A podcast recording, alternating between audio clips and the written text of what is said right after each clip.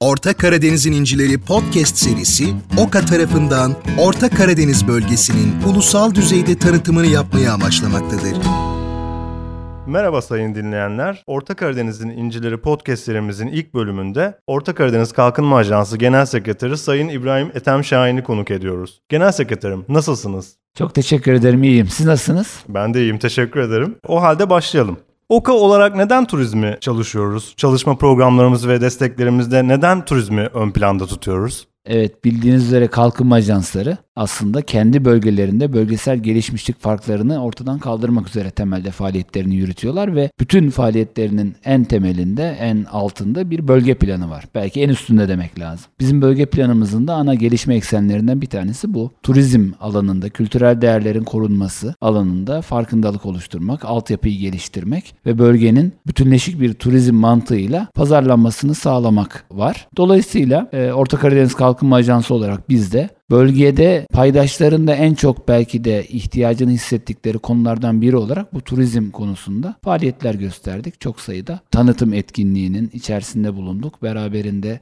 altyapı oluşturduk e, ve beraberinde bu elde ettiklerimizin pazarlanması için, hedef pazarların oluşturulması için, işletme altyapısının geliştirilmesi için çalışmalar yürüttük. Tekrar özetlemek gerekirse biz neden turizmin içerisindeyiz? Çünkü bölge bunu istiyor. Bölgede bu anlamda çok ciddi bir varlık var ve bu varlığın bölge planı çerçevesinde planlı bir şekilde tanıtılması, işlenmesi ve bu yolla bölgenin kalkınmasının sağlanmasını gerektiğine inandığımız için. Teşekkürler. Peki e, bunu biraz açabilir miyiz? Yani 2009'dan bu yana faaliyet gösteren e, Orta Karadeniz Kalkınma Ajansı Amasya, Çorum, Samsun ve Tokat illerinde faaliyet gösteriyor ve buraya biz TR83 bölgesi diyoruz. Bugüne kadar tanıtım ve turizm anlamında OKA ne yaptı? Biraz bundan konuşabilir miyiz? Belki ilk yaptığımız faaliyet altyapı faaliyetleriydi. Bu sadece yerin altında olanlar değil ama turizme hizmet edecek olan yerüstü varlıkları, yerüstü istasyonları, yerüstü hizmet unsurlarını da içeren bir şeydi. Bina restorasyonlarından tutun da karşılaştırma ünitelerine, yürüyüş platformlarından tutun da tabelalandırmaya kadar varacak şekilde e, bir dizi yüzün üzerinde projeye hayat verdi OKA destekleri. OKA Turizm konusunda evet altyapı desteği dediğimiz, küçük ölçekli altyapı desteği dediğimiz bu mali kaynakları harekete geçirme nosyonunu üstlendi. Bu anlamda çok ciddi bir fonksiyon icra etti. Ama bunun ötesinde Amasya'da, Çorum'da, Tokat'ta, Samsun'da çok değerli turizm varlıkları var. Amasya'da bildiğimiz Amasya şehir merkezindeki o eski Osmanlı şehri ve beraberinde daha da öncesine binlerce yıl gerisine gidecek şekilde o antik medeniyete ev sahipliği yapan o şehirde o turizm unsurlarının bütün bir mantık içerisinde turistlerin her türlü hizmeti alabilecekleri, ziyaretlerini yapabilecekleri, konaklamalarının sağlıklı ve uluslararası standartlarda yapılabileceği şekilde hizmetleri alabilecekleri bir ortamın sağlanması için evvela OKA burada çok ciddi bir rol üstlendi diyelim tekraren. Yine Çorum'da Hattuşa medeniyetine yani Hitit medeniyetinin başkenti Hattuşa'ya daha doğrusu ev sahipliği yapan bu şehirde bugüne kadar gelen bütün tarihi unsurların, turistik unsurların işlenmesi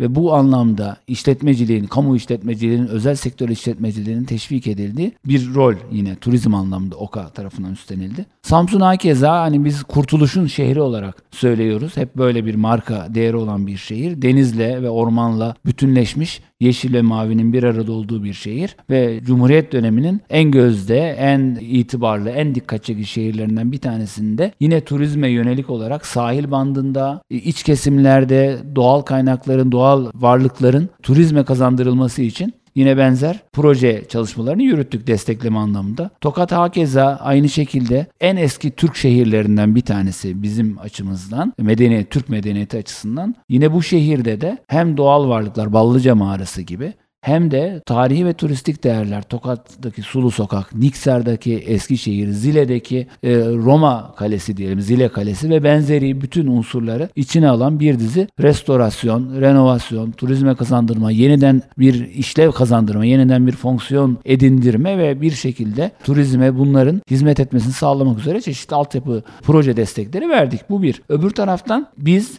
Orta Karadeniz Kalkınma Ajansı olarak bu bölgedeki bu tarihi ve turistik değerlerin ulusal ve uluslararası mecralarda tanıtımı için de yine bölgede liderlik ettik. Bu nasıl oldu?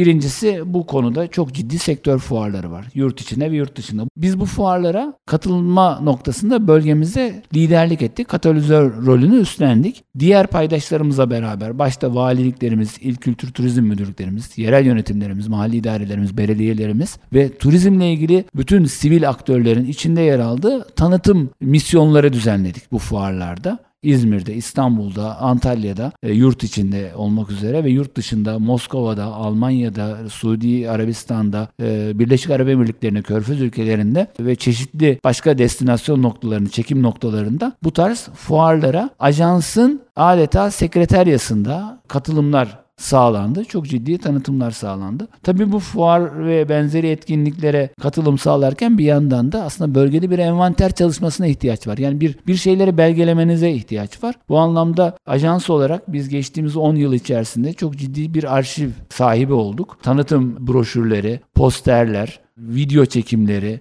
tanıtım filmleri gibi çok ciddi bir görsel e, materyal kütüphanesine de sahibiz bu anlamda. Ajans bu noktada da bölgedeki kurumların bu tanıtım malzemesi noktasındaki ihtiyaçlarını da giderdi. E, bu da turizme yaptığımız katkıların e, bir diğer parçası. Bir başka unsur turizme ajans neler verdi dersek planlama noktasında, yatırımların planlanması noktasında ajans çok ciddi katkı verdi. Bu nasıl oldu? Bir kere destinasyon tanımları yaptık, rotalar yaptık. Bir sonraki aşamada bu tarihi ve turistik değerlerin e, gelecek nesillere aktarılması için fizibilite destekleri verdik. Bu çok bildiğimiz renovasyon projelerinin, restorasyon projelerinin yapılabilmesi için ön hazırlıkları, fizibilite hazırlıklarını, maliyetlendirme hazırlıklarını ajans eliyle kurumlarımız yapabildiler. Bu manada hayata geçmiş onlarca yatırımın ilk adımını OKA olarak biz fizibilite destekleriyle sağladık. Bu çok gurur verici bir şey. Öbür taraftan hep önemsediğimiz, her zaman kalkınmanın çok önemli bir unsur olduğuna inandığımız özel sektör işletmeciliği için de ajans çok ciddi şeyler yaptı. Birincisi mevcuttaki turizm işletmelerinin e, hizmet kapasitelerinin artırılması, geliştirilmesi, modernize edilmesi için teknik destekler sağladık. Yönetim danışmanlığı faaliyetleri çerçevesinde onlara destekler verdik. Bir diğeri yatırım destek ofislerimiz eliyle bu alanda, turizm alanında yatırım yapacak işletmelerimize, yatırım planı olan işletmelerimize, bölge içinden bölge dışından hiç fark etmez. Amasya, Çorum, Samsun ya da Tokat'la ilgili turizmle ilgili bir yatırım hayali olan bütün yatırımcılara bilgi verdik. Ücretsiz danışmanlık desteği verdik. İcap eden yerde onlar için ön fizibilite raporları ve gerekiyorsa fizibilite raporlarının hazırlanması noktasında teknik e, danışmanlık desteği verdik. Dolayısıyla ajans e, bütün bu turizmle ilgili hayali olan paydaşlara, turizmle ilgili bütün bu konularda çok geniş çerçevede hem mali destekler hem teknik destekler hem de kendi kaynaklarını harekete geçirmek suretiyle e, ciddi manada yön verdi diyebiliriz. Peki gelecekte de bölgenin e, turizmi ve e, tanıtımında OKA'nın rolü devam edecek mi? Önümüzdeki dönemde turizm için OKA neler yapmayı planlıyor? Bu soruya çok kısaca kesinlikle diye cevap vermek lazım. Turizm bu bölgede yükselen bir değer ve potansiyel enerjisine henüz ulaşamamış bir değer. Ve nihayetinde bu bölge, Karadeniz bölgesi, dünyada e, hep beraber yaşadığımız hem insan hareketleri, turizm anlamındaki insan hareketleri, hem iklimle alakalı değişiklikler, hem insanların gelir durumlarındaki artışlara paralel olarak yeni yerler keşfetme ihtiyaçları, hem turizmin tanımında meydana gelen o değişiklikler, yani bunu şunu kastediyorum, deneyim turizmi, kır turizmi, doğa turizmi, gibi o turizmin tanımındaki genişlemelere cevap verecek bir bölge olduğunu düşünüyoruz. Biz de dolayısıyla kalkınmanın sağlanabilmesi için bölgemizde kalkınmanın sağlanabilmesi için turizm konusunda çalışmaya devam edeceğiz. Orta Karadeniz Kalkınma Ajansı bilhassa bölgede turizm yatırımlarının sürdürülebilir bir şekilde yapılabilmesi, yerine getirilmesi, gerçekleştirilmesi noktasında yine paydaşların yanında yer almaya devam edecek. Artı katma değer üreten turizm yatırımlarının hayata geçirilmesi için bütün enerjisini bu alanda yoğunlaştırılacak. Turizmde gidecek daha çok yol var, yer var. Buna inanıyorum. Dediğim gibi turizm hem turistler için, turizmi tüketenler için hem de turizm hizmeti sağlayanlar için, yerel aktörler için hala potansiyel ihtiva eden, çok ciddi potansiyel ihtiva eden bir konu. Ajans olarak turizmde özellikle yatırım noktasında bakıyoruz konuya, turizm konusuna. İkinci olarak da potansiyel pazarları genişletmek noktasında bakıyoruz. Bugüne kadar geçtiğimiz 10 yıl içerisinde daha ziyade var olan turizm varlıklarını restore etme, modernize etme, onları gün yüzüne çıkartma, bu çerçevede faaliyetlerin planlanmasını sağlamaya öncelik ettik. Bundan sonraki 10 yıllarımızda turizm yatırımlarını hızlandırmaya, katma değerli, sürdürülebilir turizm yatırımlarını hızlandırmaya odaklanmayı ve mevcut turizm paydaşlar için, mevcut turizm aktörleri için diyelim, hedef pazarlarının genişletilmesi için çalışacağız. Ee, peki tüm bu konuştuklarımızın ışığında bu podcast serisini niçin yaptığımız konusunda da bir şeyler söylemek ister misiniz? Malum günümüzde e, Metaverse gibi hani çeşitli yeni mecralar türüyor. Podcast kullanımı da gün geçtikçe artıyor.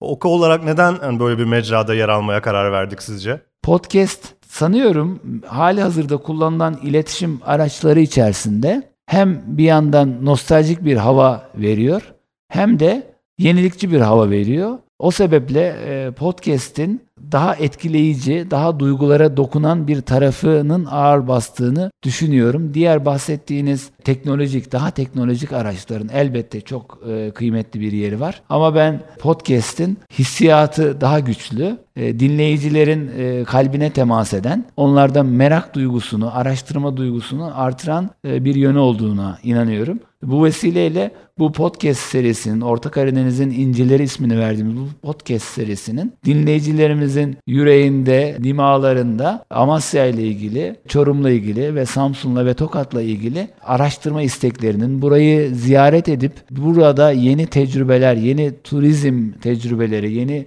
seyahat tecrübeleri edinmeleri için bir ateşleyici olacağını e, temenni ediyorum. Buna bütün kalbimle inanıyorum. Teşekkürler Genel Sekreterim.